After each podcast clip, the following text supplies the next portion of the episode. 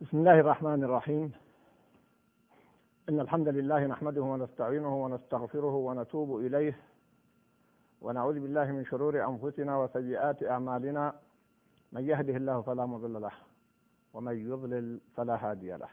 وأشهد أن لا إله إلا الله وحده لا شريك له وأشهد أن محمدا عبده ورسوله صلى الله عليه وعلى آله وصحبه وسلم تسليما كثيرا كثيرا. أما بعد. أيها الإخوة المشاهدون فسلام الله عليكم ورحمته وبركاته. هذا الحديث الذي معنا حديث النعمان بن بشير رضي الله تعالى عنهما أصل من أصول الإسلام التي عدها العلماء وهو حديث عظيم. وقد عد العلماء هناك أحاديث تعتبر من الأصول العظيمة التي يبنى عليها أحكام كثيرة. منها إنما الأعمال بالنيات. وكذلك حديث من أحدث في أمرنا هذا من ما ليس منه فهو رد. من أحدث في أمرنا هذا ما ليس منه فهو رد. وكلها أحاديث صحيحة. هذا الحديث نعم أصل من تلك الأصول. ولما لا يكون كذلك وفيه هذا البيان الواضح الشافي يقول صلى الله عليه وسلم إن الحلال بين وإن الحرام بين. وهنا نقف مع هذه النقطة ومع هذا اللفظ العظيم الحكيم الذي هو من جوامع الكلم. الحلال بين والحرام بين. كثير من الناس يعرف الحلال من الحرام. الإثم ما حاك في نفسك وكرهت أن يطلع عليه الناس بينما الحلال تطمئن إليه النفس وهو البر الذي عبر عنه النبي صلى الله عليه وسلم. البر. تطمئن إليه النفس. أقول هذا لماذا؟ لأن البعض يعرف الحلال من الحرام ولكن يذهبون إلى عالم لعله يعطيه فتوى أخرى وبخاصة مع المشكلات التي حدثت في القضايا المالية وغيرها وفتح الدنيا على الناس. تأتي مساهمة في شركة يعرف الرجل أن فيها حرام لأنه يعرف أن فيها ربا أو أنها تقوم بأعمال محرمة. فعندما تفتح للمساهمة يبحث له يبحث له عن عالم لعله يترخص له ويفتيه بالجواز فيدخل وهو في نفسه يعلم هذا. لا أقول يا أخي الكريم الحلال بين والحرام بين هكذا قال المصطفى صلى الله عليه وسلم. وفتوى العالم لا تجعل الحلال حراما والحرام حلالا إنما هو اجتهاد منه. إذا اجتهد العالم وصدق في اجتهاده وتحريه وبحثه فقد يتوصل إلى نتيجة لكن لا يعني أن هذه النتيجة هي الصواب. وحديث عمرو بن العاص رضي الله تعالى عنه واضح. إذا اجتهد الحاكم فأصاب فله أجران. وإذا اجتهد فأخطأ فله أجر. معناه أنه ممكن أن يجتهد الحاكم العالم القاضي ويخطئ. لكن السؤال موجه لك أنت يا أخي الكريم. أنت تعلم أحيانا أن هذا العالم مخطئ. ففتواه لا تجيز لك أن تأخذ بها. لأنني ولأنكم تلاحظون توسعا في هذا الباب وبعض الناس عازم على أن لا يشارك لأنه يعرف أن هذا حرام. وسمع من عالم أوثق من العالم الذي سأل عنه أو سأله. لكن يتتبع الرخص وقد سبق الحديث عن تتبع الرخص وخطورة تتبع الرخص. المشكلة أن بعض الناس يتصور أنه ما دام سأل العالم وأفتاه العالم مثلا بالجواز أن أصبح حلال وأنه لا يأثم بذلك. لا يا أخي الكريم العالم فيما بينه وبين الله إذا اجتهد له أجر. ما دام محض. لكن أنت إذا كنت تعلم حكما آخر عن عالم أوثق أو قد اتضح لك دليل لم يتضح لهذا العالم أو لأسباب أخرى فتو العالم لا تجعل الحرام حلالا ولا الحرام حلالا. لا. فلننتبه لهذه المزالق التي نقع فيها. ثم في قوله إن الحلال بين وإن الحرام بين. دليل على وضوح هذا الدين وأحكام هذا الدين وسمو هذا الدين تركتكم يقول صلى الله عليه وسلم على البيضاء. ليلها كنهارها. ليس فيها الغاز ولا رموز ولا أسرار كما يوجد عند بعض الفرق البدعية والفرق الضالة تجعل الدين أسرارا للخاصة لا يعلمها العامة. أبدا. النبي صلى الله عليه وسلم يحدث صحابته في المجمع العام. وكما يقول الصحابي الجليل ما مات رسول الله صلى الله عليه وسلم وطائر يقلب جناحيه في السماء إلا أعطانا منه علما. علمه من؟ علمه وجهله من جهله فالحلال واضح والحرام واضح. فإذا هذا الدين واضح ليس فقط في قضية الحلال والحرام. في العبادات في الصلاة وهنا يأتي الخلل في موضوع البدع. واضح أنها ليست من دين الله. ومن أحدث في أمرنا هذا ما ليس منه فهو رد. كما قلت لكم أن هذا الحديث من أصول هذا الدين. فهذا الدين واضح بين اليوم أكملت لكم دينكم وأتممت عليكم نعمتي ورضيت لكم الإسلام دينا. ولذلك نلحظ أنه بمقدار ما يوجد في بعض الفرق أو الجماعات من كثرة الألغاز أو الأسرار هو بعد عن المنهج النبوي. ولذلك أولئك الذين يذادون عن الحوض يوم القيامة. نعوذ بالله من هذه الحالة. فيقول النبي صلى الله عليه وسلم أمتي أمتي. فيقال له إنك لا تدري ما أحدثوا بعدك. فيقول صلى الله عليه وسلم سحقا سحقا. هذا الدين واضح. الحلال بين والحرام بين. العبادات أمور العقيدة أمور المعاملات كلها واضحة. نعم. هناك أمور مشتبهة كما في نص الحديث. لكن الاشتباه أمر نسبي. فما قد يكون مشتبها عندك ليس مشتبها عند آخر. وهذا الذي يتبع أقوال العلماء في بعض المسائل يجد أنها مشكلة عند بعض العلماء لكن عند آخرين واضحة جدا. فأحيانا يكون الاشتباه نسبي. لا لذات الأمر. وإنما لمنزع الاستدلال أو الفهم أو وضوح الدليل أو غير ذلك من الأسباب. فهنا الرجوع إلى العلماء إلى العلماء الربانيين. من تثق في علمه ودينه وفتواه؟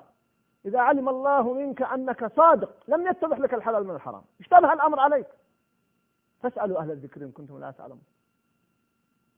فالرجوع فإن تنازعتم في شيء فردوه إلى الله والرسول. هنا يرجع إلى العلماء وهنا إذا علم الله صدقك وإخلاصك ورجعت من هو ثقة وعالم تبرأ ذمتك. ولو أخطأت كما أن العالم يعذر في خطأه إذا اجتهد وبل له أجر. فكذلك أنت إذا اجتهدت في البحث عن الحق وعلم الله من قلبك الصدق في البحث عن الحق والالتزام به كائنا ما كان وذهبت إلى عالم تثق فيه وفي دينه وفي علمه وأفتاك بفتوى وأخذت بها هناك تعذر ولو أخطأت. بل قد تؤجر باجتهادك وصدقك. هذه مسألة والمسائل الأولى التي أشرت إليها شيء آخر. التحايل والبحث عن الرخص وعبارات يقولها العامة لا أصل لها في الشرع. كان يقول بعضهم اجعل بينك وبين النار عالم أو في لغة العامة مطوع. لا. لا أنت الذي ستحاسب وحدك وتسأل وحدك.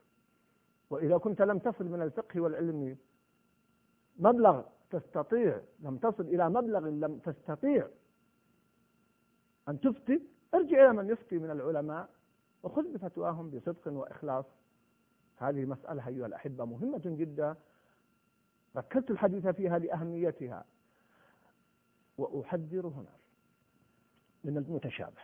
وقد كثرت المتشابهات في هذه الأيام خاصة ما يتعلق في جانب المالي الشركات المساهمة التي تفتح لمساهمة الناس بعضها حلال صريح وبعضها حرام صريح وبعضها مشكل ينطبق عليه هذا الحديث.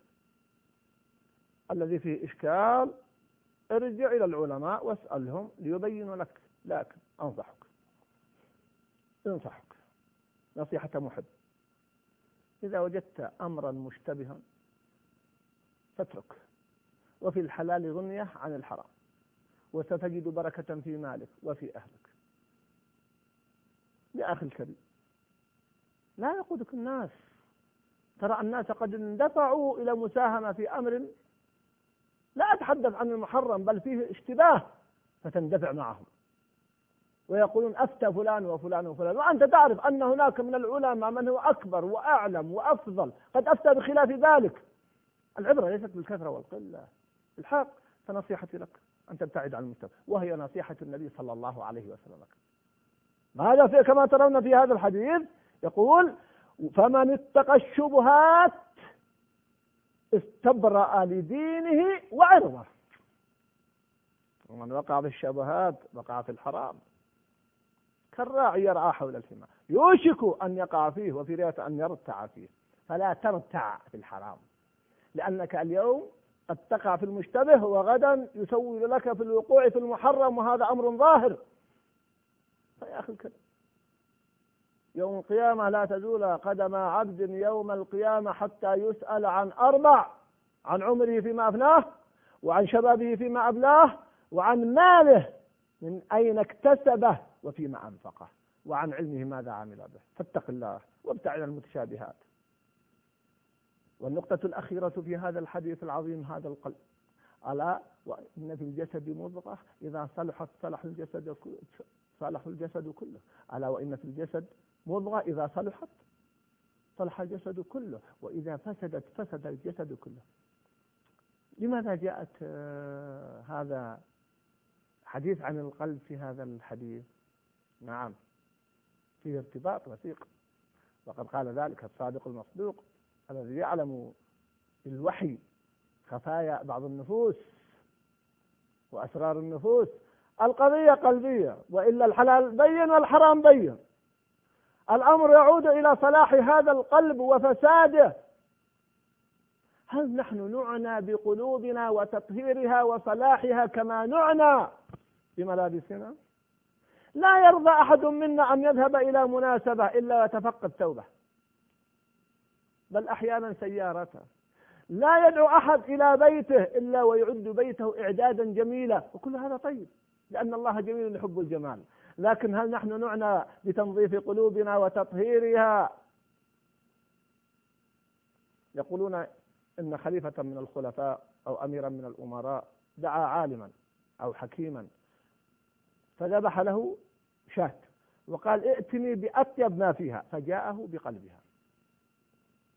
ثم ذبح أخرى وقال ائتني بأسوأ ما فيها فأتاه بقلبها. قال كيف؟ قال هذا الحديث. ألا إن في الجسد مضغة. إذا صلحت صلح الجسد كله. وإذا فسدت فسد الجسد كله ألا وهي القلب. فالقلب قد يكون أطيب ما في الجسم إذا صلح. وصلى الله يجعلنا إياكم من الصالح وقد يكون أخبث ما في الجسم إذا فسدت. وما أكثر القلوب الفاسدة الخبيثة كقلوب المنافقين والعلمانيين وأداء الدين. القلب يعتبره مسائل كثيرة جدا من النفاق والحسد والغل والتحزب لغير الله جل وعلا اليأس من روح الله سوء الظن بالله جل وعلا الوسواس قسوة القلب كلها تعتري القلب. فكلما دخل عليه شيء فسد هذا القلب والعياذ بالله. وازداد. بينما ذلك يحتاج القلب إلى تطهير إلى تنظيف. جلاؤه بذكر الله جل وعلا بخشية الله جل وعلا بحسن الظن. علامة القلب الصحيح كما ذكر ابن القيم من علامات القلب الصحيح أنه لا يزال يضرب على صاحبه حتى يتوب إلى الله. يعني قد يقع الإنسان في معصية أو في شبهة يبدأ قلبه ما يطيعه. يقول ابن القيم من علامات القلب الصحيح أنه لا يزال يضرب على صاحبه حتى يتوب إلى الله. بينما القلب الفاسد لا يبالي صاحبه. أيضا من علامات القلب السليم أنه لا يكثر عن ذكر ربه.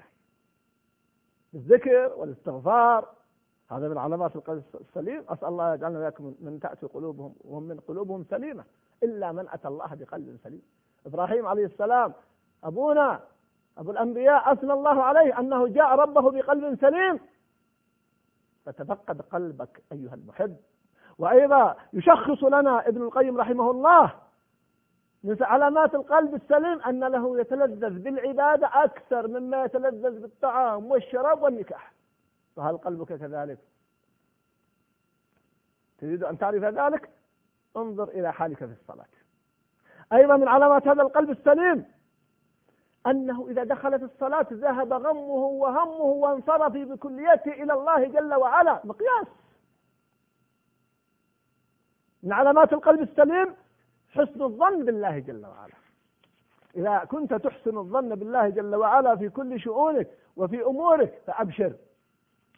ومقابل ذلك القلب ماذا؟ القلب القاسي المريض. يقول ابن القيم من علاماته أنه لا تؤثر فيه جراحات القبائح. يقع واحد منا في خطأ أو معصية أو ذنب. هل هذا يؤثر فيك كما لو جرحتك آلة حادة؟ القلب النظيف القلب الطاهر يتأثر أما القاسي المريض لا يتأثر. أيضا من علامات القلب المريض أنه يجد لذة في المعصية أكثر مما يجد لذة في الطاعة. حتى إن البعض مع كل أسف يجد من لذة النظر في المحرم لامرأة أجنبية أكثر مما يجد من لذة النظر إلى زوجته مع أن زوجته قد تكون أجمل وأفضل ومع ذلك الشيطان يزين له. أيضا من علامات القلب القاسي أنه يقدم الأدنى على الأعلى. أيضا من علامات القلب القاسي أنه يكره الحق ويضيق به ويفرح بالباطل وبانتصار الباطل. من علامات القلب القاسي أنه لا يحب الجهاد ولا المجاهدين وله ميل إلى أعداء الدين. فيا أخوة الكرام تفقدوا قلوبكم وقد دلنا على ذلك محمد صلى الله عليه وسلم بهذا الحديث ألا وإن في الجسد مضغة؟ إذا صلحت صلح الجسد كله. فأصلح قلبك.